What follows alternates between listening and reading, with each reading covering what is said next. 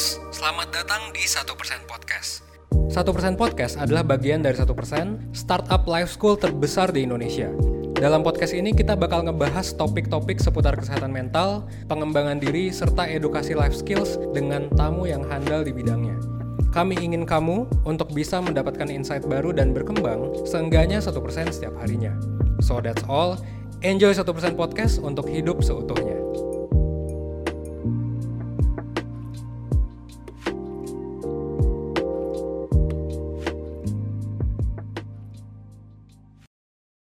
Halo Perseners, bersama Yoga lagi di sini. Dan kalian sedang ada di satu persen podcast. Dengan format video. Satu persen adalah platform atau media edukasi life skills yang juga tergabung di SP Kolektif dan sister companies lainnya.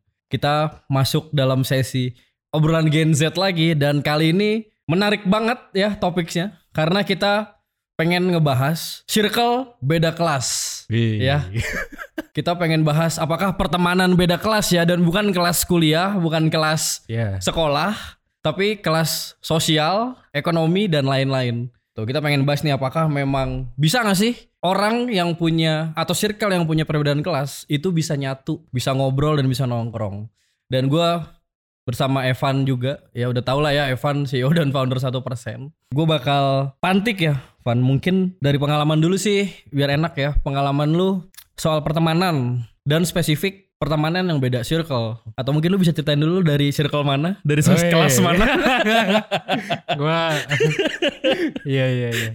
Gua mungkin kalau mendefinisikan sekarang dari middle class ya. Jadi alhamdulillah. Meskipun bapak gua kayaknya lower class dah. Soalnya eh, bapak gua tuh dari Pangandaran cuy. Pak Asep dari Pangandaran intinya. Eh, dari namanya aja udah kelihatan ya Enggak ada yang gue bukan menjelekkan nama ya tapi dulu gua sering banget dijelek-jelekin kalau pas SD Asep Asep gitu sakit hati sih dulu sekarang biasa aja tapi intinya eh, gua middle class lah. Bapak gua dosen PNS gitu ya. Mak gua juga sama. Jadi ya udah terberkati dengan mobilitas sosial ya di dunia kapitalis ini.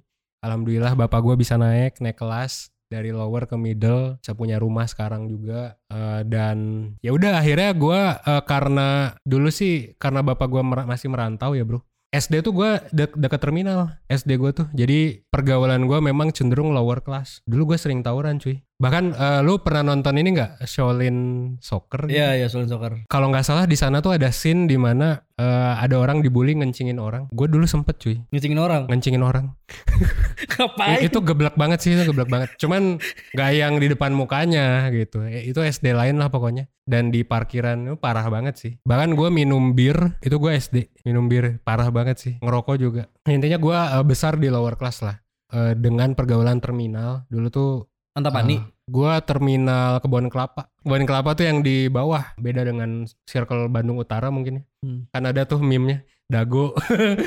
Cowok ganteng tuh Iya, pokoknya dago, Dago. gitu nah gue mungkin di bawah gitu dulu. Eh, jadi gue circle-nya lower tapi gue terberkati juga dengan kalau dibilang pinter sih enggak. Tapi at least akademis gue bagus. Jadi gue bisa masuk ke SMP yang paling oke bisa dibilang. Salah dua yang paling oke. Jadi yang paling oke tuh SMP 2 sama 5 bro. Bandung ya? Kalau di Bandung gue masuk SMP 2 biasanya susul-susulan 2 sama 5 ini. Gue nggak tahu sekarang yang lebih bagus yang mana.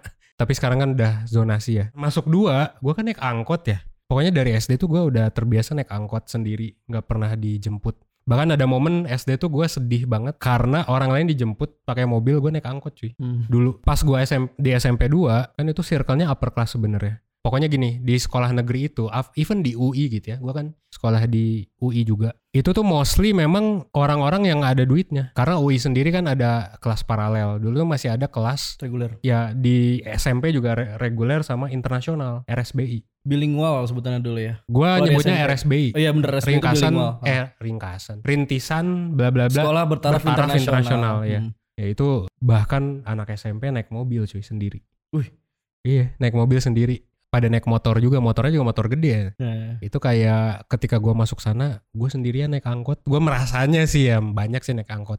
Cuman di sanalah memang pertama kali gua bertemu beda circle. Dan jujur sebagai lower class gitu ya middle class juga yang gue baru punya motor tuh 17 tahun kerasa ini aja sih inferior banget Hmm. ketika masuk SMP 2 Bahkan kayaknya gue paling alay deh. Gue dulu SMP tuh masih suka ST12 dan itu sebenarnya masih sorry to say cenderung dikatakan alay ya. Ini sorry buat fans ST12 gue juga ST setia cuy dulu. Em, Sama sama gue juga dulu. iya, tapi gue SMP dulu orang-orang dengerinnya popang kayaknya dulu ya yang lagi ini Paramore gitu-gitu. Gue dengerinnya ST12. HP gue jelek sendiri itu kayak jadi tantangan aja sih. Alhamdulillah karena udah terbiasa ya di UI gue mungkin cenderung bisa bergaul sama banyak kelas sosial ya mungkin makanya juga jadi masuk organisasi bisa melatih gue ke sana juga sih itu sedikit cerita gue kali ya dari masa kecil sampai masa besar cuman alhamdulillahnya gue bisa menanggulangi itu tapi gue tahu banyak dari lu perseners yang tidak bisa menanggulangi itu sih Tapi pengalaman lu gimana? Yang lebih rinci mungkin. Terutama difokus di circle ya atau pertemanan gitu. Lu berteman sama orang yang backgroundnya bukan dari kelas sosial paling kerasa tuh di SMP sih. Kayak gue ngerasa ada istilah cool kids gitu ya. Sekarang tuh kan cool kids sama nerd dan lain sebagainya. Tuh kerasa banget sih. Maksudnya orang-orang yang keren tuh memang bersirkel dengan orang-orang keren, cantik, ganteng juga. Nah gue kan, gue nggak tahu gue ganteng atau enggak sih gitu ya. Tapi ada juga yang bilang ini orang aslinya ternyata nggak ganteng gitu. Di komen YouTube Gue ya. ngakak gitu. Suaranya bagus tapi gak Lu ganteng. orangnya biasa aja. Ya berarti gue nggak ganteng sih kalau gitu. Tapi gue merasa gue nggak ganteng gitu. Gue merasa gue nggak keren juga. Eh, akhirnya waktu itu gue ngerasa terpinggirkan lah. Makanya gue main point blank dulu, main PB. Sama. Akhirnya main PB, main Dota. Ketemu sama orang-orang kayak gini juga nih yang mungkin dulu kagak keren si Adi gitu Iya. kan dulu. Si Chris yang Si kerja Chris. sekarang sekarang sih keren mereka. Dulu tapi kayaknya outcast gitu sih gue ngerasanya. Kalau boleh jujur ya. Dulu gue mungkin nggak pernah bilang kayak gini ke circle gue, tapi sempat aja ngerasa kayak gimana ya kalau gue jadi cool kids gitu. Kalau pengalaman personal ya itu, bahkan gue tuh sempet dibully disebut ini jahat banget sih. Dulu ada satu cewek yang nyebut gue besar autis gitu. Dan gue dijudge berdasarkan lagu yang gue dengar ST12 gitu kan. Dan ini juga alasan kenapa gue dipanggil Evan cuy. Ini gue nggak pernah cerita, gue jarang cerita sih. Jadi gue tuh dipanggil Evan karena ada orang yang suka gue. Gue nggak bisa sebut namanya sih karena dia kayaknya udah punya pacar dan gue udah punya istri juga. Tapi istri gue udah tahu. Cuman dulu tuh dia kayak suka gitu sama gue. Cuman dia circle-nya upper class itu. Karena dia suka sama gue, circle-nya upper class, gue tuh sering diketawain gitu. Oh gitu. Heeh, gue sering diketawain dulu. Dan itu sakit hati sih. Tapi ya seperti anak SMP pada umumnya ya bodo amat gitu ya. Eh, mungkin gue bisa bodo amat karena dulu belum ada istilah mental health gitu. Mungkin jatuhnya toxic gitu dulu, tapi gue try to embrace it aja dan akhirnya kaburnya ke game online. Gue mungkin SMP kali ya, karena SMA dan kuliah. Kayaknya gue udah belajar gitu. Ibaratnya lu dari terminal terus ke SMP paling bergengsi di Bandung bahkan Indonesia gitu. Wow, Eh, gitu ya ya. wow bro, wow banget. Cool kids tuh maksudnya dulu anak eksis gitu ya? Anak eksis. Iya kan? Dan cenderung tapi di SMP 2 Anak kantin di gitu. SMP gua. Nah, kebetulan yang eksis itu bukan yang kalau kuliah sih yang eksis ada juga yang lower class, middle class gitu, Ah. yang kagak ganteng, kagak cantik gitu. Iya, iya. Nah, di SMP gua tuh gua merasanya ya at least perasaan gua yang cakep-cakep yang ganteng-ganteng doang yang bisa Eksis. eksis. Nah, Dan yang kaya-kaya doang yang punya mobil kayak gitu. Nah, yang punya ruang gitu ya. Ibaratnya orang-orang tertentu yang punya ruang eksis di sekolah gitu kan. Bener dan gua ngerasanya itu gap antar kelas sih. Dan ketika gua komunikasi dengan mereka pun kagak masuk, seleranya beda dan sebagainya. Gue ngerasain sih, Van. Tapi ntar ya, gue gue kepo. Eh, biasanya sentimen apa dulu saat lu mengalami itu? Sentimen apa yang bikin lu jadi tersinggung gitu? Atau apa gitu? Mulai dari transportasi deh, gua turun ke SMP naik angkot. Orang lain tuh dijemput dan gua dulu bahkan nggak tahu ya. Gua nggak tahu Alphard itu semahal itu dulu. Tapi dulu tuh orang, oh banyak yang mobilnya gede ya, jelek gitu gue mikirnya. Nah ternyata setelah masuk kuliah gue sadar, oh ya gue ada di circle upper class. Tapi dulu gua merasa nggak belong aja, merasa kalau istilah kerennya sih mungkin teralienasi kali ya. Dari apa? Left behind lah ya. Iya left behind, overthinking juga. Syukurnya memang gua nggak terlalu mikirin itu dulu karena belum ada awareness mental health dan lain sebagainya. Jadi kayak bodo amat kan dulu. Ibaratnya lu either bodo amat, fuck up atau keren. Dulu gua mikir kayak gitu. Pola pikirnya memang biner banget sih. Ya namanya juga anak SMP ya. Tapi intinya gua merasa don't belong aja dan itu nggak nyaman banget sih. Tapi lu sempat nyobain culture yang bukan circle lu? Pernah nyobain dulu? Sempet sempet. Gua dulu pernah nyoba masuk ekskul basket. Padahal gue jarang olahraga lah dulu, tapi gue pengen keren aja. gue masuk itu karena pengen keren. Ya namanya juga anak SMP ya.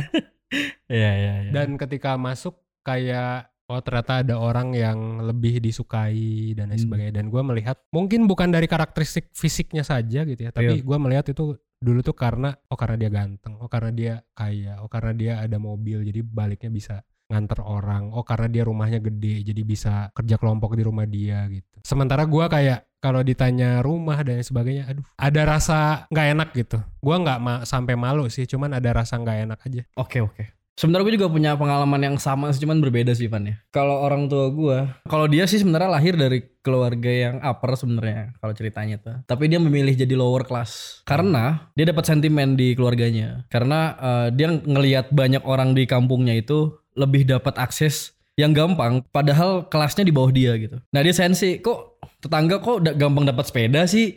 akses apaan sih Apa pun, beli apa pun oh. gitu. Teknologi mungkin dulu punya radio dan lain-lain gitu. Kok tetangga yang di bawah gitu oh ya. gitu Tahap-tahap SMA mungkin sentimennya gitu ya.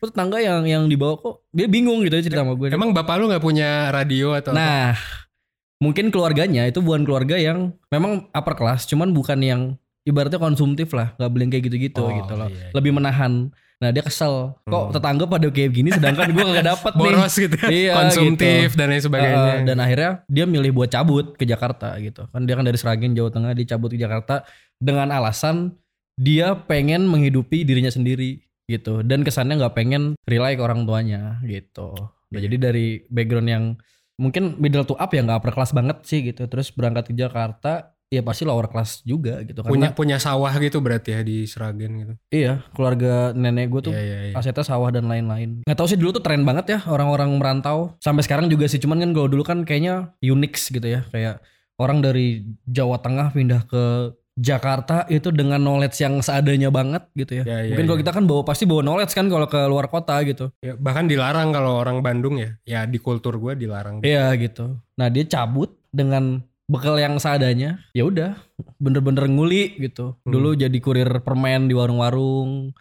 Terus Kurir permen gimana tuh? ini kayak orang-orang yang dari agen Oh yang jualan Yakul gitu ya. Mending jualannya aku dia dari agen ke warung-warung ya sih ke warung-warung nawarin. Oh. Ini ada produk ini ditawarin gitu. Oh, Makanya iya, sekarang iya, kan dia iya. kan salesman kan gitu. Mungkin skillnya terasa dari situ. Gitu dan emang merintis dari mungkin disebut bawah banget ya. Gue dia juga nggak pernah nyebut privilege apa sih cuman jadi memang merintis dari bawah terus ketemu nyokap gua merit beli rumah dan itu Hmm. dipaksa Dipaksa sama orang tua gua karena rumahnya murah saat itu. Yang Murah. punya kontrakan Oh. BU. Oh iya iya. Iya iya. lu beli aja lah gitu ini bakal naik harganya gitu. Nggak apa-apa lu miskin lagi yang penting lu punya rumah di Jakarta gitu. Mindsetnya seperti itu dulu. Akhirnya beli terus mungkin karirnya naik naik naik naik gitu ya. Ya alhamdulillah bisa renov rumahnya gitu. Hmm. Bahkan ya bisa beli banyak lah kendaraan dan lain-lain gitu ya. Sebenarnya Berarti tuh sorry sorry. Berarti lu middle upper apa nih? Lower. mungkin secara mindset gue mid to low. Eh sama Hmm. juga sih. Jadi tuh gue tuh pernah ditanya juga bokap gue. Iya. Yok sebenarnya tuh kita dari kelas apa sih gitu. Itu dalam dalam forum keluarga. Sampai jadi obrolan gue gak, pernah sih. gitu. Ya terus. Sebenarnya dari kita dari kelas apa sih gitu. Heeh. Mungkin dulu lower gue bilang kayak gitu. Sekarang mungkin kita ke middle dan mau ke upper karena udah aware soal asset management Ya. gitu. Ya jadi mungkin dari lower gitu ya. Tapi Van uniknya itu gue tuh SD swasta yang notaben saat itu lumayan mahal, lah. Heeh. Mungkin orang tua gue punya mindset gitu ya. Karena SD fundamental mungkin pengen dikasih pendidikan yang lebih gitu lah di SD swasta. Nah terus SMP gue favorit juga dulu di 85 SMP 85 Jakarta. Tipe-tipe favorit lah. Nah terus SMA gue di 49 ngampus di Telkom. Kalau misalkan circle Van, gue juga ngerasain kayak lu. Gue left behind bahkan gue dibully dulu gitu. Kapan? Tengil gue dulu. SMP. S- SD gue nggak dibully, gue Eh. SD asik. Hmm. SD teman-teman gue upper class. Oh. Dan gue belum paham soal konsep itu lah jelas dan, lah. dan masih SD lah ya orang. Masih SD. oh, eh, Tapi gue SD main PSP bro. Bayangin SD main PSP. Jemputan bro. Gue tuh dulu SD. Oh, gue gue juga jemputan. sih Jemputan tapi- SD gitu. Nah SMP mulai kenal yang lebih upper class lagi. Hmm. Dan dulu kesannya masuk ke dalam satu kelas yang lu sebut tadi RSBI atau bilingual. Iya. Itu kan setengah Inggris, setengah bahasa kan. Oh, lu RSBI berarti. Kagak. Gue Oh. gak RSBI karena gue kurang pinter. Iya, iya. gitu. Terus, terus. Nah, gue masuk eh, kelas biasa, teman-teman gue RSBI. Nah itu kelihatan banget gapnya. Biasanya tuh dulu tuh kalau orang anak-anak eksis itu punya beda Van di kantin tuh kelihatan Van. Hmm. Kerumunan tuh kelihatan gitu. Terus kayak gue tuh kayak lesbian anjir gue kok gue kok nggak bisa main sama dia ya gitu. Bahkan dari handphone bro. Dulu tuh gue masih Nexian tau kalau Nexian Iya, iya. trackball yang kalau mampet pakai minyak angin tau gak? Gue Asia Ramadan sih dulu. Oh pernah. Iya. ya. Teman-teman lu BlackBerry kan? Blackberry. Nah, ya, teman-teman gua pakai bener- bener-bener Blackberry. Iya BlackBerry beda tuh dulu ngeliatnya tuh ah, dia teman-teman gue pakai pakai BlackBerry gue pakai Nexian dan. Blackberry E63 Yang ketiga tuh Samsung. Nokia Nokia. Iya. Pokoknya kalau yang hits tuh BlackBerry, Nokia E63, sama Engage, Engage. Engage ya. En- oh Engage ya Iya. nyebutnya. Engage tulisannya lah yang keren banget gitu lah. Iya. Nah gue pakai Nexian gitu yang wah kacau lah tuh ya, Nexian yang 800 ribu dulu harganya tuh. Nah, Gitu. Nah gapnya di situ jadi gue ngerasa banyak circle gue yang secara obrolan mungkin kalau obrolan dulu nggak terlalu penting cuman cara pergaulan gitu. hmm. Orang-orang yang upper class ibaratnya dulu ya dan gue berangkat dari yang lower to mid to low gitu. Ya mereka kalau pulang sekolah pasti nongkrong ke tempat-tempat bagus. Kalau dulu Sevel tau nggak Seven Eleven. Iya. Nah gue tuh nggak bisa dulu ke Seven Eleven gitu. Sekalinya bisa pasti maksa Iya. gitu. Sekarang mungkin kelihatannya murah ya karena udah kerja gitu. Iya iya sekarang iya gitu. Dulu, Dulu- tuh ah gila. Iya sih. Teman-teman gue kok pada nongkrong di Seven Eleven padahal terus makan KFC gitu-gitu tuh. Iya, KFC Betul. juga mahal sih menurut gue dulu. Gue sempat menyalahkan juga kenapa gue begini gitu loh. ya kan? Kenapa gue Iya. begini. Bahkan potong rambut kan. Dari model gue tuh dulu yang mohawk gitu loh. Iya. Teman-teman gue tuh udah yang keren-keren yang wah parah Oh, dah. Iya, iya, bener-bener. Itu pembedanya kayak gitu. Nah, gue gapnya di sana. Terus kalau SMA sebenarnya udah lebih ini sih lebih netral karena dia sama tuh antara eksis dan gak eksis tuh dari prestasi. Nah kebetulan dulu gue anak penyunta alam Hmm. ya yang vokal gitu, yang sering caper dan lain-lain. Akhirnya gue eksis dan sering coki gitu. Karena gue dulu banyak berkarya juga kan, makanya sempat dikenal sama teman-teman gue gitu. Dan kalau kuliah ini menarik, gue lebih memilih yang main sama yang bukan fakultas gue. Karena di fakultas gue, gue ngerasa teman-teman gue tuh upper class gitu. Dan gue nggak cocok dalam tahap pergaulannya gitu. Ngomonginnya dugem dulu. Iya. Ngomonginnya biasalah soal romansa dan lain-lain gitu. Terus brand-brand baru gitu. Gue tuh nggak bisa kayak gitu dulu. Terus gue main sama teman-teman dari anak seni yang notabene lebih masuk ke gue gitu. Lebih pang lah ibaratnya lah. Iya. Lebih anarkis. lebih anarki Lebih lah. anarkis. Heeh, kayak gitu. Nah terus ya ya gue ngerasa sih ternyata sekarang juga eh, baru relate ya mungkin ketemu sama lu juga sama teman-teman lain juga dan ngerasa perbedaan kelas di dalam circle tuh apa ya? Gue nggak nyebut sebagai problem tapi apa kan kayak semacam apa ya? Problem sih.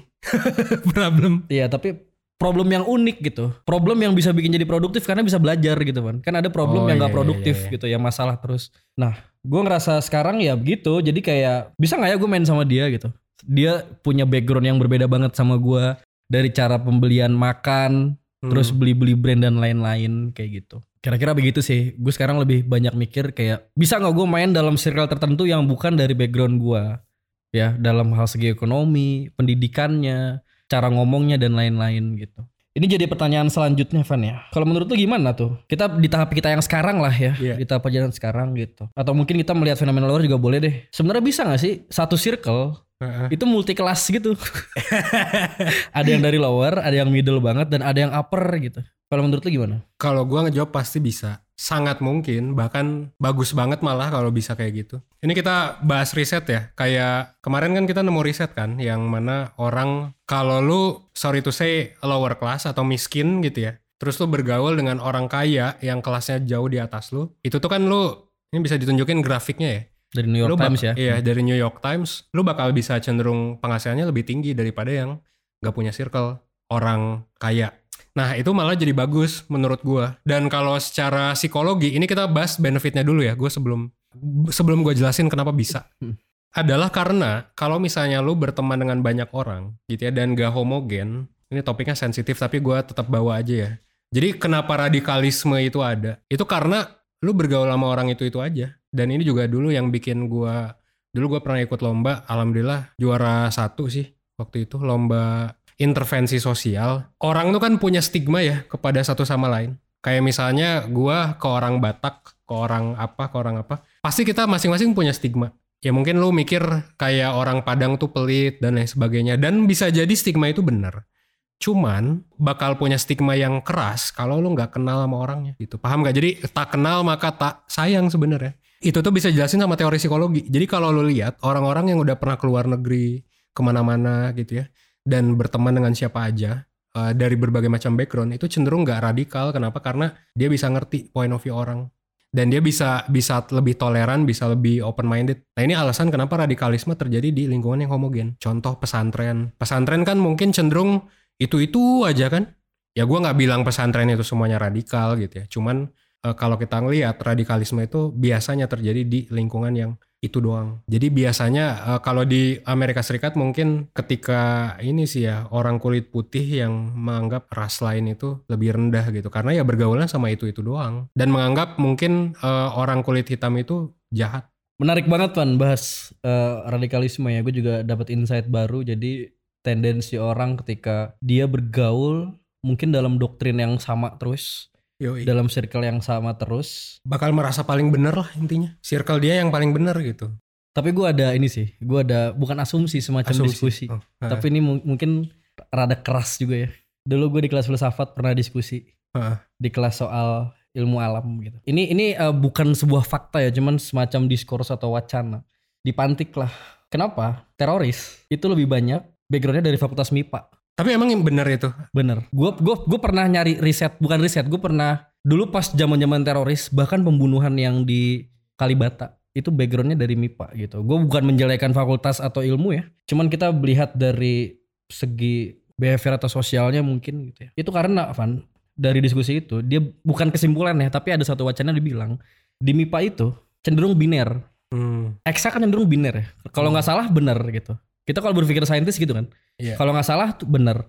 Ya kalau nggak hitam putih, kalau nggak A ya B gitu. Jadi itulah keberangkatan kenapa orang ya jadi nggak bisa melihat dunia luar gitu. Jadi ajaran dia, doktrin dia, ya udah, ya itu bakal dipegang terus sama dia dan dia merasa paling benar seperti itu. Gitu ya. Dan gue kalau baca bukan baca gue nonton ceramahnya Pak Bambang Sugiharto dia ngebahas kenapa produk Renaissance itu banyak memunculkan perang di awal-awal abad 2 awal-awal abad 19 gitu. Kenapa proyek yang keren banget, proyek sains, ya, proyek pencerahan justru berakhir dengan peperangan gitu. Apakah dia dia dia nanya, apakah tendensi Renaissance atau tendensi sains itu punya tendensi kekerasan gitu. Ternyata dia nggak jawab. Oh, tapi iya. dia mempertanyakan.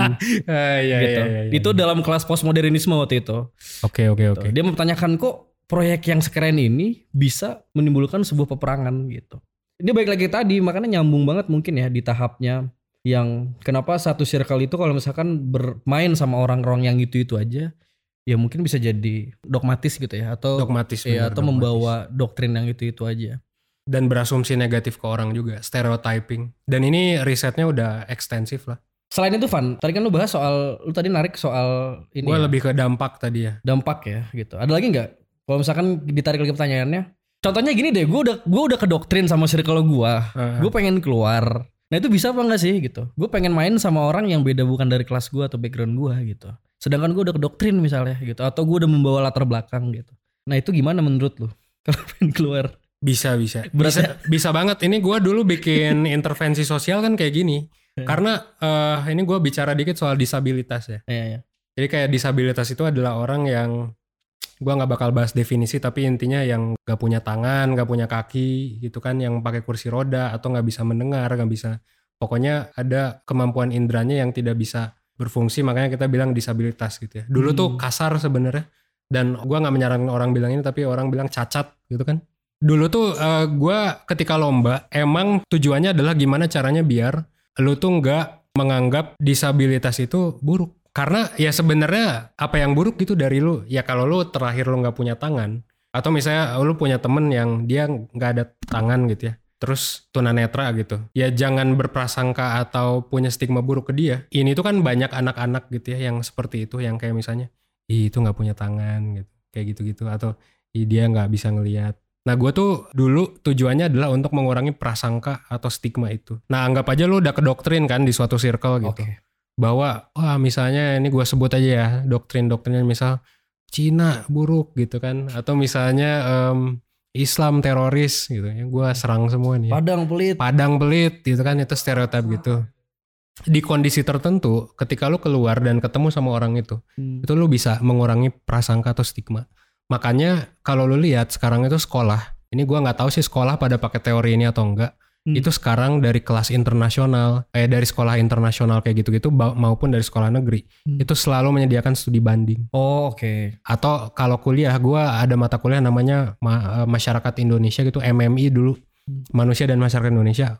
Gua harus terjun ke sorry itu saya lower class gitu ya, lower class yang beneran parah, kelas margi termarginalkan lah Hmm. biar gue ngerti gitu karena di suatu kondisi selama kondisinya itu mereka equal jadi misalnya lu ketika ketemu ketemu circle luar equal equal itu maksudnya adalah lu setara as in lu nggak ada titel bos atau misalnya lu titel majikan ke pembantu atau gimana gitu itu bisa mengurangi stigma nah itu yang gue desain dulu dan makanya gue juga selalu mencoba sih secara pribadi untuk selalu open sama budaya-budaya baru yang mungkin gak make sense buat gue. Karena itu ba- bakal meningkatkan ya perspektif gue ke dunia sih. Gue bakal lebih toleran, gue bakal lebih open minded dan lain sebagainya. Itu jadi apakah bisa? Bisa dan itu sangat bermanfaat dan itu dipakai juga sekarang sama sekolah-sekolah termasuk kampus juga. Gue nggak tahu lo pernah studi banding atau ke kaum marginal atau mungkin ini nggak pas di sekolah atau Kalau program nggak pernah. Cuman karena gue naik gunung mungkin ya. Gue kan seneng naik gunung dulu. Oh, ketemu pedagang-pedagang Iya. kecil kayak gitu gitu. Ah, ah, ketemu yang notaben sorry ya dari lower class juga karena kan ya dia berdagang gitu ya atau mungkin kerja seadanya gitu. Dan mungkin stigma kita kan, aduh kotor dan lain sebagainya, Iya kayak ma- gitu. makanan yang gak sehat gitu kan. betul, betul, betul. Itu kan ada stigma-stigma seperti itu. Tapi kalau udah kenal, ya sebenarnya nggak nggak gitu banget juga. Meskipun mungkin ada derajat bisa jadi benernya gitu ya kayak orang Padang pelit, orang Cina songong gitu kan dan lain sebagainya. Mungkin ada benernya to some extent, tapi nggak semua orang seperti itu gitu. Dan lu nggak bisa generalisasi. Nggak semua Islam teroris gitu. Iya benar benar. Dan kalau menurut lu itu alasannya karena nggak pernah keluar gitu. Karena nggak pernah memandang dunia dan karena dia cuman bergerak di lingkungannya doang. Yes, itu penelitiannya ekstensif banget sampai sekarang. Mungkin salah satu alasan kenapa dulu pas lomba gue menang karena penelitiannya ekstensif sih. Karena saingan gue waktu itu pas lomba gitu ya, bagus-bagus intervensinya. Cuman mungkin teori yang gue pakai lebih banyak banget di riset gitu. Bahkan eh, sampai ke ya bisa ngurangin even secara online lo ketemu sama orang. Hmm. I mean eh, lewat Omegle kayak gitu-gitu kan. Hmm. Ada yang nggak tahu Omegle kayak? Ome TV. Iya, le- lewat ya gitulah pokoknya eh, Tinder gitu-gitu. Hmm. Itu tuh bisa ngurangin kayak lu match sama orang Islam sama orang Kristen Chinese gitu ya. Itu sebenarnya bisa banget eh, ngurangin prasangka lu. Iya iya bener. Mantan lu orang Chinese bukan? Chinese kan? Tapi campur. Oh, Gue pernah pacaran sama orang Kristen 2 tahun. Oh iya. Mengubah perspektif lu nggak? Iyalah jelas. Ternyata orang Kristen gini ya gitu. Enggak. iya, bukan bukan itu juga, tapi ternyata pandangan orang Kristen terhadap dunia tuh kayak gini ya. Oh gitu. iya iya iya iya. Bukan terhadap dianya, Paham, tapi paham, paham, paham. pandangan dia terhadap dunia kayak gini yang mungkin selama ini di pikiran gue tuh salah gitu. Ya beda lah, beda banget ya. Bahkan kadang-kadang, wah kok beneran dia gitu. Iya iya. iya. gitu. Nah, terus ya gue juga ngalamin hal banyak sih ya. Maksudnya ketemu-temu orang-orang baru yang mungkin lintas ideologi juga, Iya ya, iya. benar, lintas benar. kelas juga. Tapi Van kalau dibahas, sebagian orang ada yang nggak bisa gitu. Ada yang nggak bisa kayak kita, ada yang nggak bisa ngelihat keluar, ada yang nggak bisa match gitu. Nah, menurut tuh karena apa? karena kapitalisme sih menurut gue. Tapi jujur benar. Soalnya gini, kalau misalnya kita ngomongin dunia sekarang, Iya. kan sebenarnya yang ya sekarang gue sempat ngelihat juga ada eh, Chinese woman gitu ya. Ini beneran Chinese, not eh, ethnic Tiong Tionghoa gitu. Dia tuh pura-pura jadi orang upper class. Terus dia eh, intinya berperilaku seperti upper class. Intinya dia bilang, gua riset nih rambut gue dibagusin dan lain sebagainya.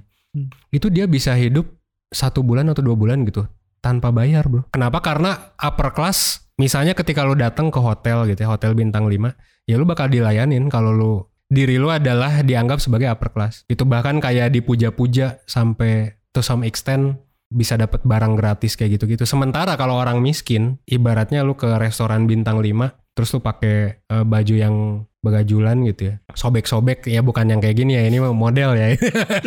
Tapi eh, ibaratnya Iya, lu pakai baju yang jelek lah gitu. Yang gak sesuai standar, eh, jelek dalam tanda kutip, lu bakal diusir. Nah, ini yang menurut gua mungkin ku- jadi kurang adil kali ya di sistem kapitalisme ini karena kalau dari ri- dari riset ini bisa diperdebatkan gue baru aja baca buku uh, capital in the 21st century gitu. Dia mengolah big data banget, gap uh, inequality itu makin tinggi. Apakah ini masalah? Menurut gua enggak. Gue sih bodo amat gitu ya inequality. Yang penting sebenarnya nggak terlalu gapnya nggak terlalu jauh dan nggak ngerugiin siapa pun. Ya ibaratnya gini lah, kalau ada orang yang oke okay banget, ya kalau yang di bawahnya oke-oke aja juga nggak masalah kan. Hmm. Maksudnya lu nggak usah nggak usah sirik dong, Iya. ya kan? Nah jadi gua bukan berarti melawan kapitalisme hancurkan sistem yang enggak gitu. Tapi eh, intinya ada dampak inequality itu gitu dan itu juga ngaruh ke mindset masyarakat menurut gua karena yang gua lihat orang kaya bisa ke bawah. Lu kan mungkin ya bapak lu up- upper class dan lain sebagainya kan. Tadi ada sawah dan sebagainya. Terus lu juga mungkin merasa lu lower middle class tapi sebenarnya ya lu dengan lu punya MacBook Pro dan lain Iya, usah sebagainya. disebut juga ya. Iya. Good brand lagi ya. Silakan Apple kalau mau ini. Tapi dengan lu punya ya itu iPhone, MacBook Pro dan lain sebagainya, ya lu mungkin termasuk OKB. OKB. Nyinyir. Tapi intinya gue jadi buyar lagi gara-gara OKB. Jadi sampai mana? Oh, orang kaya itu kan punya kapital dan kita hidup di dunia di mana ya kapital yang paling utama.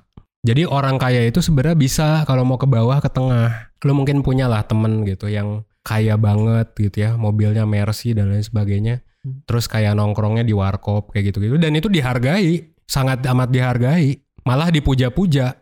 Misalnya Mark Zuckerberg gitu, tuh pakai kaos gitu gitu kan. Padahal kaosnya harganya Mahal itu. lima ribu dolar. Iya, kacau. Iya, jadi kayak orang tuh sekarang memuja-muja orang kaya yang humble gitu.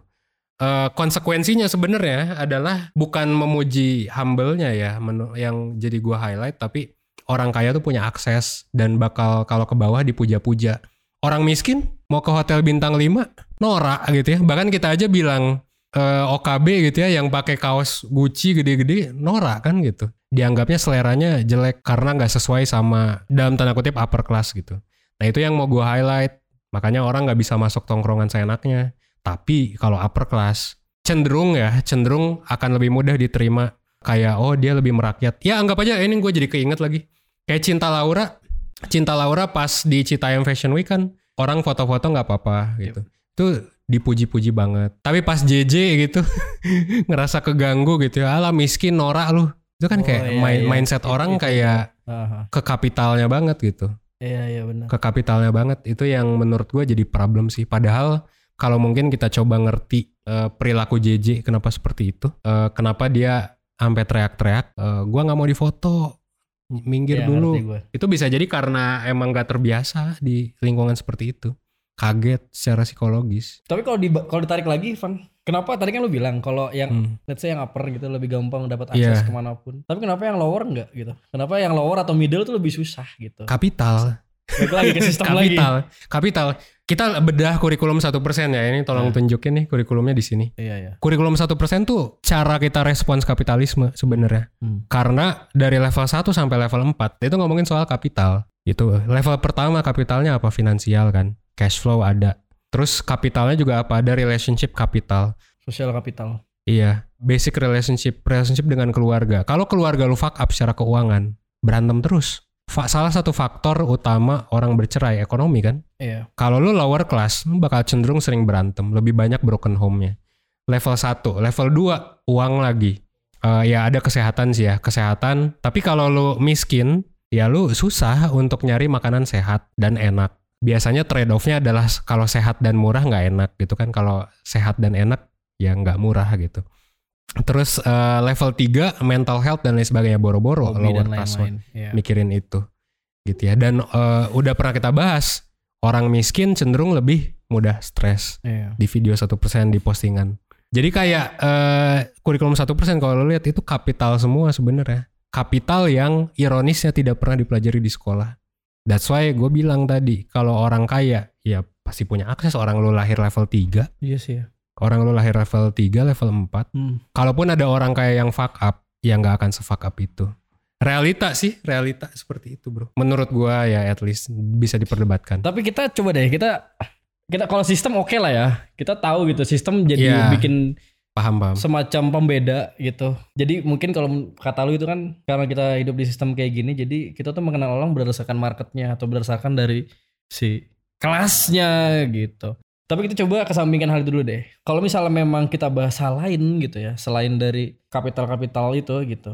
Ada hal lain gak sih kayak apa sih kayak kalau misalkan di konten kita yang semalam kan ya, Iya. ini udah lama mungkin ntar diposting ya.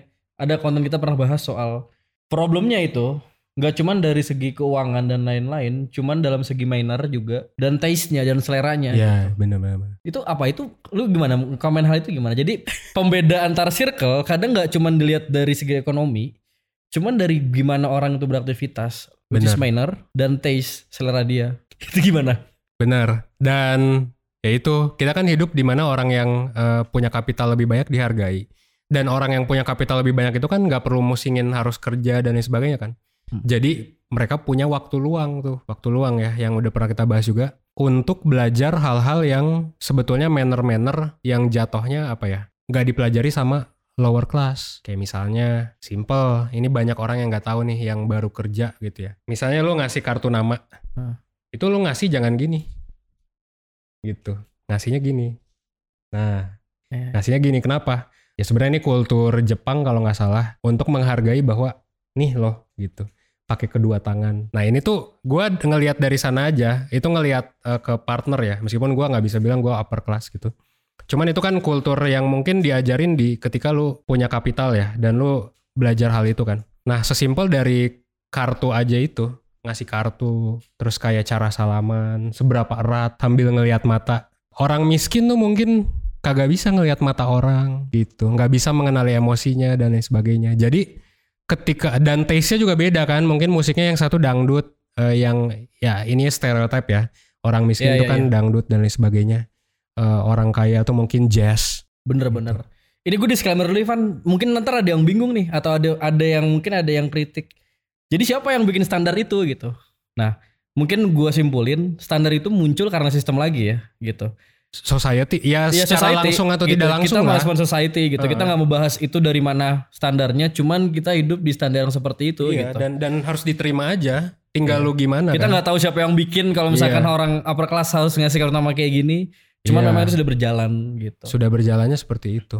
Jadi em, kita coba di tahap yang pertemanan deh, Van. Berarti kalau misalkan gue membawa background gue as lower class or middle Ah. class dengan membawa manner gue, Hmm. dengan membawa taste gue, Iya.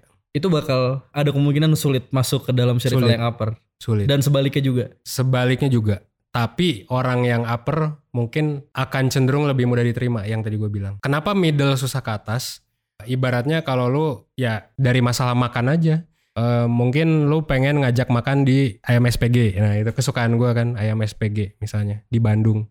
Mungkin kalau orang upper class yang nggak pernah makan di pinggir jalan nggak mau. Tapi ya mereka bisa aja kan berkompromi dan lain sebagainya. Orang tetap enak juga. Cuman kalau preferensi orang-orang kelas tertentu dalam memilih makanan tuh udah beda. Dan itu bayangin makan tuh kan tiga kali sehari. Lu kalau tiap hari ada konflik gitu sama pasangan sama temen ya susah juga kan. Ibaratnya mungkin perlahan-lahan lu akan keluar kalau lu nggak cocok. Kayak gua, gua nggak suka kalau eh, gua kurang prefer lah kalau diajak dugem gitu sebenarnya ya. Jadi kalau ada yang ngajak gua kayak gitu, ya gua nggak bakal ikut gitu. Tapi ini bukan masalah kelas ya, karena kelas atas, bawah, tengah ada. Tapi sama juga sih tempat dugem juga ada yang kelas bawah atas Iya, tengah iya, juga sebenarnya. Heeh. Jadi ada yang lagunya tuh mungkin kalau di tempat dugem ini Future House, Iya, iya. kalau di tempat dugem ini mungkin Def Punk atau apa Iya, iya, benar. gitu. Cuman ya jujur sih ya kalau boleh jujur ya makin upper kedengerannya makin klasik gitu sih dan makin tenang. Gua gua ngerasanya ya. Gua sering kali merasa ya berisik aja gitu kalau yang pergaulan di lower atau middle. Jujur ya. Gua nggak bilang gua upper tapi ketika gua ketemu sama orang yang upper tuh pemilihan tempat, arsitektur dan sebagainya jadi lebih dipikirin gitu. Dan itu yang membuat gua juga mungkin sama beberapa tongkrongan tertentu jadinya gua jadi jarang ikut karena oh preferensinya beda. Dan itu membuat gua tidak nyaman. Kita bahas Shelby deh dikit ya. Boleh, Boleh boleh. ya. Ya gue kan nonton Peaky Blinders juga dan bukan yang nggak ini banget lah sebenarnya Van yang nggak fokus banget gitu loh. Kita juga sering bahas ya si Shelby itu kan sebenarnya kan memang dari lower very class. very lower class. Apa sebutannya tuh? Gypsy ya? Iya udah gypsy, gypsy kan kagak punya rumah ya, Ah. tinggalnya di karavan. Iya kayak gitu. gitu. Bukannya berangkat dari sana lah gitu. Dan dia naik tingkat naik tingkat dan di sampai tahap di kekayaannya gitu kan. Udah jadi DPR dia, udah Iya. jadi DPR kan. Masih punya stigma kan? Masih didapat stigma sama circle-circle-nya yang dari aristokrat gitu. Jadi emang seperti itu. Itu bisa bisa terjadi di real life kita. Gak cuma di kerjaan tapi di pertemanan. Bisa terjadi dan bukan hanya masalah kapital. I mean ya mungkin bisa dibilang kapital ya, tapi kan kapital banyak. Iya. I mean bukan hanya masalah uang. Lu bisa aja punya uang satu miliar tapi lu alay, lu lower class, lu berisik Tetap gitu. dapat stigmanya gitu. ya. Tetap bisa dapat stigma seperti itu. Dan Tommy Shelby juga seperti itu. Misalnya si Tommy Shelby kan ditawarin whisky nih, lu mau apa? Misalnya whiskynya keren-keren ya, Nah. menurut upper class. Whisky A, B, C gitu ya. Terus dia pilihnya malah yang gua mau Irish whisky deh, yang paling murah dia maunya, yang ibaratnya alay. Ya itu aja udah kena stigma. Kalau Irish whisky gitu kan, kan gak enak cuy gitu, kagak ada rasanya cuy gitu. Sama orang-orang ini upper class yang lain. Ya itu aja dari pemilihan minum. Iya dan banyak lagi ya. Iya, obrolan minum. Banyak sih nggak cuma minuman doang sih kalau di- Minuman, di, di, di, obrolan. gua tuh bahkan cara ngomong Van. Bener-bener cara ngomong juga. Cara ngomong kan juga kadang-kadang kalau kita bermain dengan circle yang beda gitu ya. Dari cara ngomong aja kan bisa dapet stigma nih apaan sih kampung banget. gitu. Dari basa-basi cara ngomong. Iya, baik lagi itu mungkin di circle yang close minded ibaratnya gitu ya. Mungkin kalau yang lebih open minded ya wajar gitu dan bisa Iya, mengerti gitu. Bisa bisa mengerti. Iya. Orang yang well traveled dan lain sebagainya pasti bisa mengerti. Tapi kita sekarang kan kayaknya fokus bahasannya kan ke lower class banget dari tadi dan middle class mungkin itu Iya. low gitu ya. Nah kalau misalnya kita bahas Van, kalau dalam soal akses ya, kita nggak ngebahas dari bawah ke atas juga tapi atas ke bawah. Untungnya apa menurut lo orang upper class main sama yang lower class gitu yang lebih bawah? Kalau menurut tuh kayak gimana? Kalau menurut gua, Hmm. ya upper class ada sih ya yang mencoba deket sama rakyat-rakyat kecil dan sebagainya untuk mendapatkan keuntungan itu banyak. Dan kalau dibilang keuntungannya apa ya jelas lah Hmm. kayak support dan lain sebagainya. Tapi eh, di sini gua nggak membahas eh, secara etis seperti apa gitu ya. Cuman eh, kalau lu sebagai entah lu upper class, middle class, lower class, lu ke bawah dan lu deket sama orang-orang bawah dan eh, jujur gua eh, apa sangat kagum sih dengan yoga sebenarnya dengan lu. Kenapa? Karena maneh kan bisa deket sama orang-orang bawah, Bro. Grassroots. Grassroots banget sama tukang-tukang parkir, sama Tiga soto. tukang soto, Yang apalagi jaga kosan. yang jaga kosan. Tapi kan jadi enak kan, maksudnya Iya. eh, ya bayangin lah misal lu bayangin orang kaya masuk ke kosan lu gitu ya, terus ketemu sama abang kosan lu mungkin mereka punya stigma kalau nggak pernah. Apa sih ini gini gitu Ya apa sih ini orang gitu, ini orang serem gitu Iya, dan lain iya, sebagainya. iya. Nah itu kan lu sudah lepas dari stigma itu kan, dan lu bisa deket sama mereka. Dan akhirnya lu juga lebih tenang di kosan, ibaratnya oh lu tahu lu bakal di backup sama si orang itu gitu. Meskipun lu mungkin ya kalau upper class bukan sih ya, mungkin jatuhnya middle di kosan yang bisa jadi biasa aja, Hmm. tapi dengan lu berteman dengan lower class, berteman baik dan juga memperlakukan mereka dengan baik ya mereka juga akan memperlakukan Oke. lu dengan baik plus lu dapat akses hal yang tidak bisa diakses oleh orang yang tidak berteman dengan dia. Entah apa ya, mungkin lu bisa kasih contoh Yang paling sih. gue dapat keamanan sih. keamanan. Iya. Dan ya pertemanan juga gitu, Van. Jadi kayak ibaratnya kalau gue lihat kenapa upper class bisa main butuh juga main sama lower class gitu. Mungkin dia butuh sebuah makna gitu loh. Kalau hidup tuh seperti ini gitu. Gue tuh kayak Ya, gitu juga ya, gitu ya. loh. Gue pengen tahu hidup di luar gue seperti apa. Makanya gue main sama ya yang jaga kosan dan lain-lain gitu. Gue ingat satu film Into the Wild dia tokohnya memang dari upper class dan dia memilih buat menjalin hubungan gitu lah sama orang-orang di lower class gitu. Kenapa? Karena dia ngerasa dapat makna gitu, Hmm. Van. Dia ngerasa bener balik lagi ke sekolah tadi yang soal doktrin. Dia merasa selama ini doktrin dia di keluarga tuh upper class banget. Iya. Sedangkan itu bikin dia jadi close minded gitu. Dia pengen tahu, oh ternyata kalau misalkan gue main sama middle class atau lower class, itu gue punya point of view lain terhadap dunia gitu. Dia akhirnya berkarya, dia akhirnya nulis dan lain-lain kayak gitu. Nah jadi menurut gue penting sih ya. Jadi di upper class pun atau di kelas mana pun gitu ya, harusnya bisa bermain sama ya kelas yang bukan dia juga gitu. Karena mungkin dalam tahap kalau misalkan upper class deh, dalam tahap mungkin dia nggak bakal dapat tahap ini ya, tahap finansial untuk bermain di lower class gitu. Tapi ya dia bisa dapat benefits yang lain, misalnya dapat sosial kapital gitu. Dan mungkin lu bisa dapat apa ya? Ya mungkin dalam segi keamanan atau bantuan apa pun gitu. Iya. Itu sih. Intinya banyak teman lebih bagus lah daripada dikit teman. Kita bisa sepakat nggak di sana? Iya. Oh, maksudnya ya tidak tidak membicarakan kualitas ya. Ini Aing bahas ini deh, Aing bahas hal-hal yang perintilan aja Van ya di kosan ya. Dengan Aing berteman dengan seperti itu, Aing sering dibantu cuci piring, dibantu dulu buat benerin motor, buat parkirin motor gitu. Dibantu buat benerin water heater nih Nandus harus Iya maksud gua itu poinnya tuh gitu Jadi ada hal-hal yang gak gua bisa Dengan gue berteman sama orang seperti itu ya Dengan yang bukan kelas gua Ya gue dapat hal lain gitu Siddhartha Gautama pun kan sebelum dia menjadi yang tercerahkan kan. Ya jadi story-nya adalah Siddhartha Gautama kan menjadi Buddha ya. Yep. Eh, tolong korek korek gua kalau salah ya ini karena gua Islam basically dari lahir.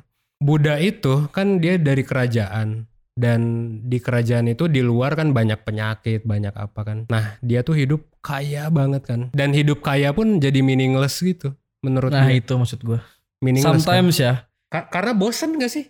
Kalau semua hal Semuanya bisa ada lu dapetin dan lain sebagainya. Dan kebahagiaan lu jadi nggak berarti tanpa kalau refleksinya si Darta sih tanpa kesedihan, tanpa suffering jadi nggak berarti. Dan dia jadi menyadari, oh kebahagiaan ternyata meaningless juga. Oh Gitu ketika Hmm, keluar keren kan. Ketika dia, oh ternyata dunia luar tuh banyak pengemis dan lain sebagainya. Akhirnya dia pergi ke apa keluarlah intinya meditasi di, duh tolong koreksi kalau gue salah ya di pohon bodi gitu. Hmm. Di hutan-hutan gitu setahu gua Iya di sebuah pohon gue lupa namanya apa. Ya dia mencoba melepaskan diri dari semua ya itu uh, yang dia bilang sebagai suffering. Karena bahagia pun bosen kan gitu. Kayak suffering juga. Dan kebahagiaan yang ideal itu atau hidup yang ideal tuh ketika lu terlepas dari semua itu sih. Dan dia upper class dan itu dia temukan ketika sudah menemui lower class, middle class gitu. Eh, di luar circle-nya dia. Oke Siddhartha Gautama ya banyak lah yang ya bahkan Karl Marx, Engels juga kan sebenarnya kan Karl Marx dan Engels bisa ketemu menghasilkan karya gitu itu gara-gara dibiayain gitu. Saya si Marx kan miskin gitu. Iya iya iya itu dibiayain risetnya, tinggalnya, bukunya gitu kan. Nih gue jadi mikir panjang sih jadi unik banget ya. Kadang-kadang makna kita nggak pernah ada makna kita nggak pernah dapat makna hidup karena mungkin selalu diam. Kurang, kurang main sih ya. Iya diam di dalam kurang satu main. tempat gitu terlalu. Jadi kayak mungkin gue udah cukup semuanya, cuman kok nggak bermakna gitu. Ya mungkin itulah alasannya kenapa kita harus pindah juga. Kita harus mencoba culture-culture kelas lain, Iya. cobain kesedihan di kelas lain. Dan kayaknya nggak perlu jauh juga sih ya di dekat kita juga banyak. Iya. heeh. Ya dengan cara kayak gue tadi lah, maksudnya ngobrol sama tetangga, Heeh. ngobrol sama tukang soto gitu. Kalau pulang kampung setiap hari apa, setiap bulan apa dan lain-lain gitu. Gue jadi belajar oh ternyata Iya. hidup tuh kayak begini gitu. Gue juga kemarin baru lihat cuy, eh, ada hal menarik ya. Hmm. Di Instagram Hmm. ada bapak-bapak marah-marah sama istrinya karena istrinya belanja sejuta. Terus kayak gue, anjir lu ngapain marah-marah ya? Gue kagak ngerti karena gue tiap belanja ke apa namanya Borma, Jogja, Indomaret, ya gue habisnya 700 ribu. Kok dia sejuta marah? Padahal bukannya emang segitu. Dan itu gue belanja dua mingguan bukan belanja bulanan. Bulanan. Jadi kalau bulanan mungkin gua 1 sampai 2 lah gitu. Terus si bapak-bapaknya marah. Oh ternyata banyak ya orang yang kagak ngerti tentang misalnya harga sembako dan lain sebagainya. Gue jadi dengan perspektif itu mungkin banyak orang yang jadinya kesel. Tapi gua malah jadi menambah wawasan sih. Dengan gua melihat hal-hal yang di luar circle gue ibaratnya. Yep. Padahal gua ngerasa belanja gua tuh udah udah murah. Iya. 2 juta tuh udah murah menurut gua gitu untuk gua buat ya, Hidup ya. gua dan istri gitu. Mhm. Kita tarik lagi Pan. Jadi tadi lu bahas soal yang penting itu sebenarnya ya punya circle dari kelas Banyak, mana pun. nah, banyak dan dari berbagai kelas. Tapi gimana caranya bentar gue gue gue bukan gimana bingung gue mencari ini. Tapi gimana caranya gitu maksudnya? Heeh.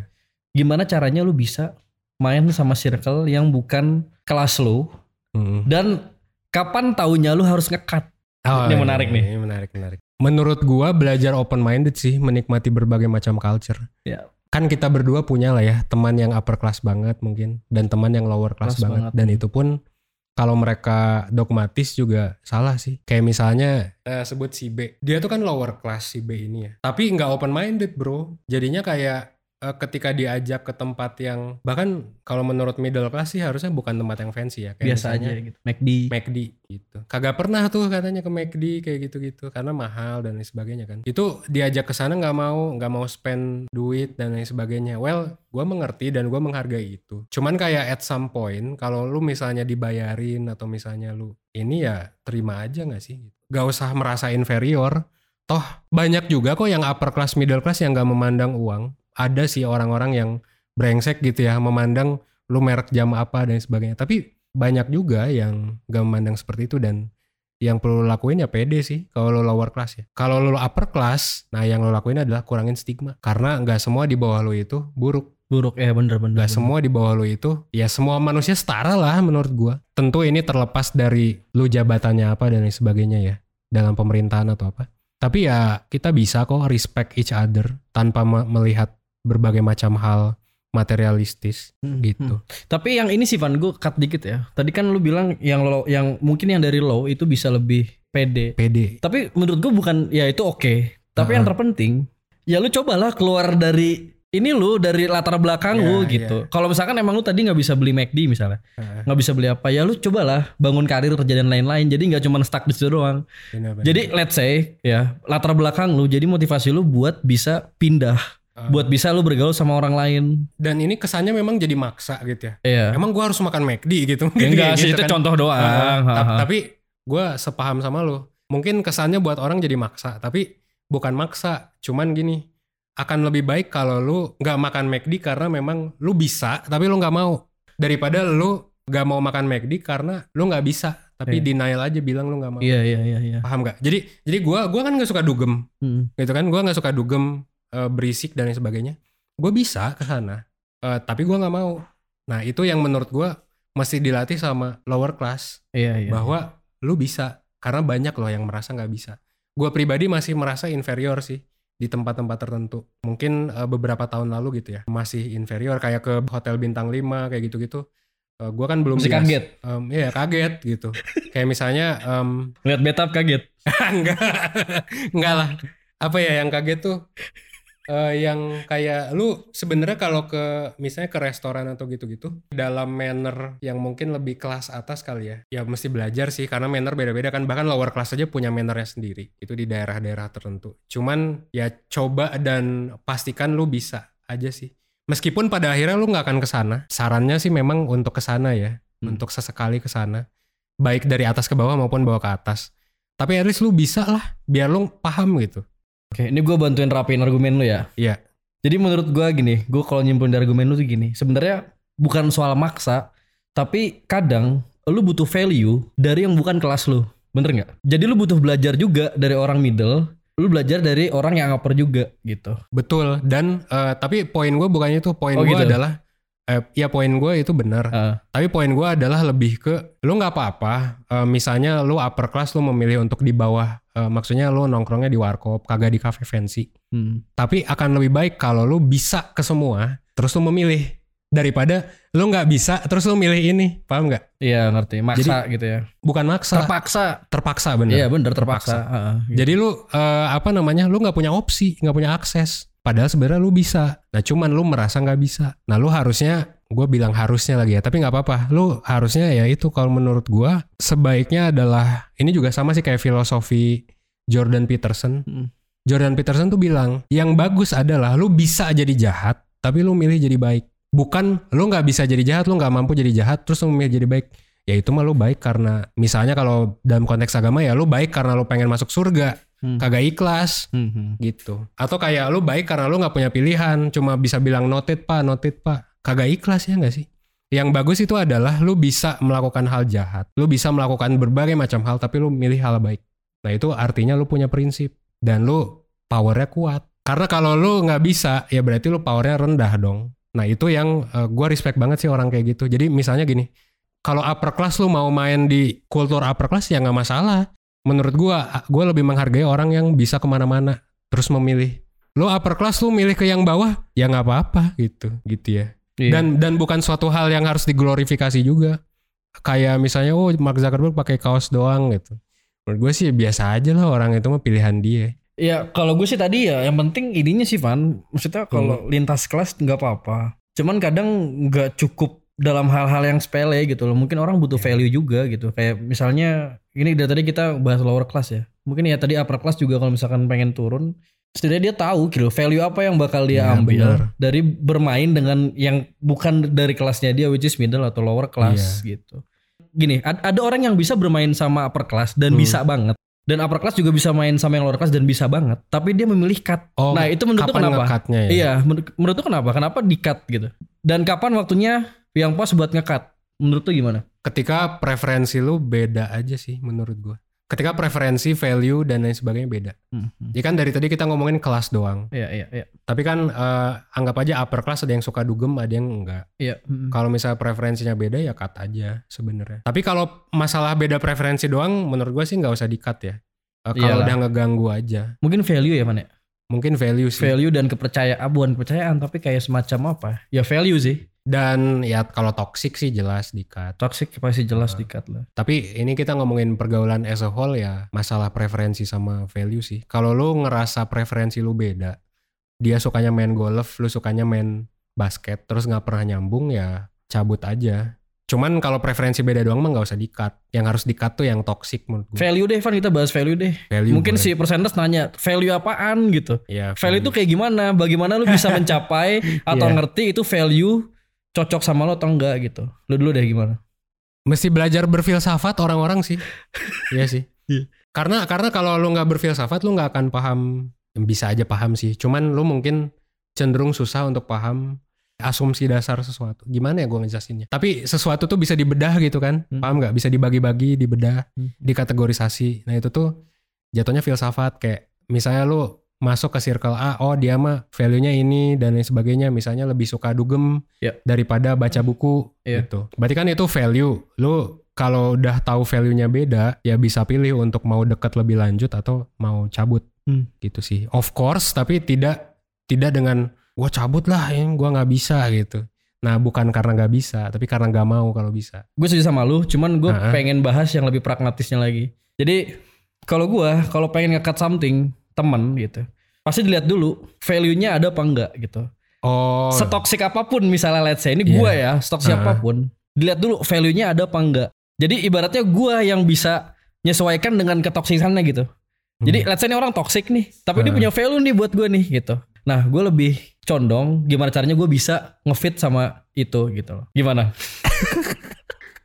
menurut gue sih kontra Gue sih kontra ya, gue sih kontra. Kenapa? Karena ya of course dalam segi tertentu ya pragmatis is oke kan. Menjadi oportunis dan pragmatis tuh oke. Cuman kalau sampai bela-belain ke toxic relationship, maksudnya gue ngomong gini bukan berarti gue tidak bakal seperti itu. Mungkin Iya. kalau gue dihadapkan dengan pilihan, oh gue masih berteman sama dia karena pengen Toksiknya toksik yang bisa di inilah Pan maksudnya ditolerir gitu gitu loh. Kalau gue ngeliat dia toksik gitu ya, ya Hmm. pasti gue kasih tahu dulu. Nih kayaknya kalau misalkan let's say mau berteman, lu tuh toksik, gue kasih tahu dia gitu. Oh iya. Bukan bukan yang kayak dia toksik gue diemin tapi gue cuman ngambil di sana gitu. Ya kalau misalkan dia toksik ya gue kasih tahu. Nah kita punya kita kayaknya punya banyak kecocokan nih dan lain-lain. Cuman kok gue ngeliat tuh seperti ini gitu. Dalam tanda kutip lu toksik gitu.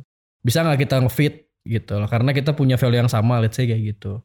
Itu sih. Gue sih mungkin cenderung kontra kali ya. Tapi eh, of course nggak nggak ya biar nggak dogmatis dan gue juga nggak nggak dogmatis juga. Hmm. Apa namanya? Karena ada beberapa konteks tertentu Hmm. Tapi kalau gue lebih ke kalau gue udah tahu dia toksik, ya udah gue bakal jaga jarak sih.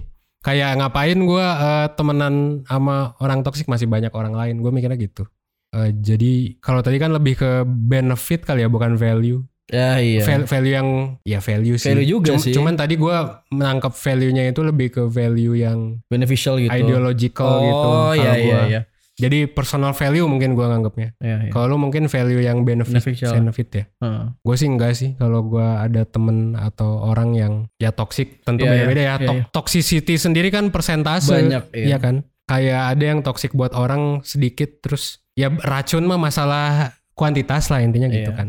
Kan ada juga yang toksik tapi gue ngeliatnya ini mah toksik tinggal dikasih tahu doang juga sembuh gitu. Iya. Ya kalau toksik banget mah sampai ganggu mah gue cabut juga Iya, gitu. heeh. Nah baik lagi toksik tadi kan sebenarnya kan ada perhitungannya. Nah gue juga kadar. ngitung dulu nih toksik dia bisa disembuhin apa enggak gitu. Si G kan juga toksik juga, cuman gue kasih tahu mulu Iya. gitu. Yang teman-teman gue juga punya punya toksik sendiri-sendiri Iya, kan, cuman iya, gue iya, kasih tahu. Satu lagi deh, Van. Ini kita lebih bahas yang lebih mendasar lagi deh. Solusinya gimana buat teman-teman di luar sana atau personal friend sana yang punya masalah soal circle. Hmm. Terutama ya dia nggak bisa nge-fit in sama latar belakang yang berbeda dari dia. Gitu lo bisa ada ceramah mungkin atau apa? Berfilsafat. Berfilsafat mungkin. Berfilsafat itu eh, paling bener Aha. minimal nonton semua video filsafat satu persen. Iya, minimal nonton di playlistnya itu. Iya, iya. Itu minimal banget. Eh, kalau mau effort banget ya ini buku nih. Sejarah Filsafat filsafat, barat. gitu Bertrand ya. Russell ya. Ini medium. Dunia Sophie ya. Yang Oh iya, iya, banget. itu minimal. Ya itu medium lah sama buku ini. Lu belajar itu, belajar tentang human nature. Coba bisa dijelasin lagi Van kenapa orang bisa harus belajar filsafat? Coba mungkin ada yang nggak ngerti nih. Bingung gitu. Apa hubungannya bang gitu belajar filsafat sama ini gitu sama pertemanan? Ya, karena gini dengan lu belajar dari tokoh-tokoh tertentu, misalnya Karl Marx gitu. Hmm. Kok dia bisa nggak setuju sama kapitalisme gitu ya? Atau Adam Smith atau filsuf-filsuf setelahnya gitu kan? Itu kan lu bisa lihat gimana mereka melihat manusia. Jadi semua hal itu menurut gua karena filsuf-filsuf ini jelas disposisinya terhadap sesuatu. Jadi lu bisa membandingkan gitu loh kayak misalnya gua ngelihat yoga ya gua kayak ngelihat anarko sebenarnya. Gitu pas pertama ya. Tapi kan of course manusia nggak bisa di label gitu aja kan. Tapi at least lu bisa nge-label di pikiran lu gitu oh bahwa dia cenderung seperti ini gitu. Jadi kenapa ada kata cenderung? Karena tidak selalu full kan nah itu bisa ngebantu lu belajar filsafat dan tokoh-tokoh itu Iya iya. jadi kayak oh ini mah orangnya Nietzsche banget. Jadi lu bisa bersikap kepada orang itu seperti Nietzsche maunya digimanain gitu. Gitu sih. Jadi gue sering kali seperti itu. Misalnya gue ketemu orang, oh gue ngeliat oh ini kayaknya orangnya kayak gini deh. Oke berarti gue nggak boleh ngomong ini. Ya lu masa ngomong ke aktivis, misalnya aktivis apa ya demonstrasi gitu. Terus kayak demonstrasi kagak jelas. gitu ya. Demo tuh kagak penting anjing gitu kan. Dia ngomong kasar lagi. Ya jadi tahu gimana bersikap aja sih Hmm, gitu. Itu dari filsafat gue dapetnya malah. Eh, karena gue belajar banyak disposisi apa ya ideologi kali ya. Iya iya. Bukannya ideologi sih, tapi asumsi dasar, Pemikiran lah, asumsi dasar Wacana. pemikiran tentang manusia. Karena Iya, manusia sampai sekarang belum ada definisi yang saklek. Apa itu manusia? Kalau Karl Marx bilangnya ya manusia tuh harusnya kerjanya santai, nggak boleh ngejar-ngejar duit mulu. Sementara eh, orang mungkin seperti bukan Adam Smith sih, mungkin setelah-setelahnya kali ya, yang lebih kanan gitu. Mungkin mereka pikir ya manusia mah kodratnya kerja dan lain sebagainya. Iya iya.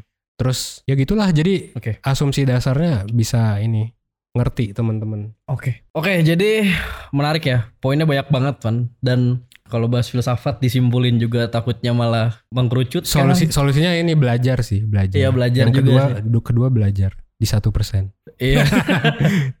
Mungkin gue gini ya, ini sekalian penutupan juga. Jadi eh, tadi kita udah bahas kesimpulan banyak. Jadi eh, yang gue pelajari dari perbedaan circle itu sebenarnya cara mencapai diri sendiri sih. Cara mencapai Hmm. lo yang optimal. Ya, dan gue juga nonton videonya Pak Bang Sugiarto dia bilang you'll find yourself through the others. Jadi kalau misalnya lu ngerasa lu jenius atau lu ngerasa lu paling oke, tapi lu nggak pernah keluar, lu nggak pernah mencoba membaca, lu nggak pernah bermain sama orang yang beda latar belakang gitu, ya sama aja lu jeblok, sama aja lu nol gitu. Makanya penting banget buat lo, buat coba turun ya, atau lu keluar, lu ketemu sama orang-orang baru, lu belajar ya, bebas. Lu dari lower class boleh, lu dari middle class juga boleh, bahkan dari upper class gitu. Jadi kalau lu ngerasa standar hidup lu cuman di latar belakang lu doang gitu ya ya udah lu bakal terus-terusan jadi dogmatis dan pasti bakal gak wise buat memandang dunia jadi keren banget Keren, filsafat banget ya. iya iya. nah eh, kalau kalau teman-teman punya problem soal circle pertemanan ya gitu let's say lu bingung caranya buat masuk ke dalam eh, circle tertentu atau lu ngerasa Gak punya circle. nggak punya circle atau, lu Atau din- denial, Denial. untuk tidak punya circle. iya Tapi ya tadi yang gue bilang ternyata karena nggak bisa bukan karena nggak mau. Iya. Pokoknya banyak masalah circle atau pertemanan, relationship ya. Ditambah lu kan gak punya teman, lu gak bisa cerita dong harusnya. ya kan? iya Kita kan? ngetawain orang ya. Iya. Kasian. Lu gak bisa cerita karena lu gak punya temen kan lu bingung Iya. harus gimana kan. Nah kebetulan satu persen itu punya mentor dan psikolog terbaik ya. Jadi ya lu bisa cerita sama mentor sama psikolog satu persen. Lu nggak cuma bahas masalah pertemanan doang. Lu nggak cuma dapat ceramah, tapi lu juga bakal dapat benefits yang oke banget menurut gua. Ya salah satunya psikotes ya, terus tes minat bakat dan tes tingkat stres dan berbagai tes lainnya. Lu bisa akses di @liveconsultation.id dan 1%.net. Oke, kita udah banyak banget bahas soal circle dan tentunya kita bakal banyak banget bahas topik-topik lain di obrolan Gen Z. Tetap di 1% podcast Jangan lupa berkembang setidaknya 1% setiap harinya. Gue Yoga, thank you. Thanks ya udah dengerin podcast 1% sampai habis di segmen obrolan Gen Z bareng gue Yoga. Stay tune terus dengan follow akun 1% di berbagai kanal media sosial. Nah, lo juga bisa nih cek sister company 1%. Untuk layanan konsultasi di at liveconsultation.id, untuk belajar kehidupan lewat webinar dan kelas online di at liveskills.id, untuk belajar persiapan karir di at SP Career Center, buat ngomongin masa depan di at si paling Gen Z, buat ngembangin bisnis dan UMKM lewat at Postmetric, dan lo juga bisa follow at spkolektif.id sebagai holding dari berbagai perusahaan tadi. Oke, sampai ketemu di episode selanjutnya ya. Thank you.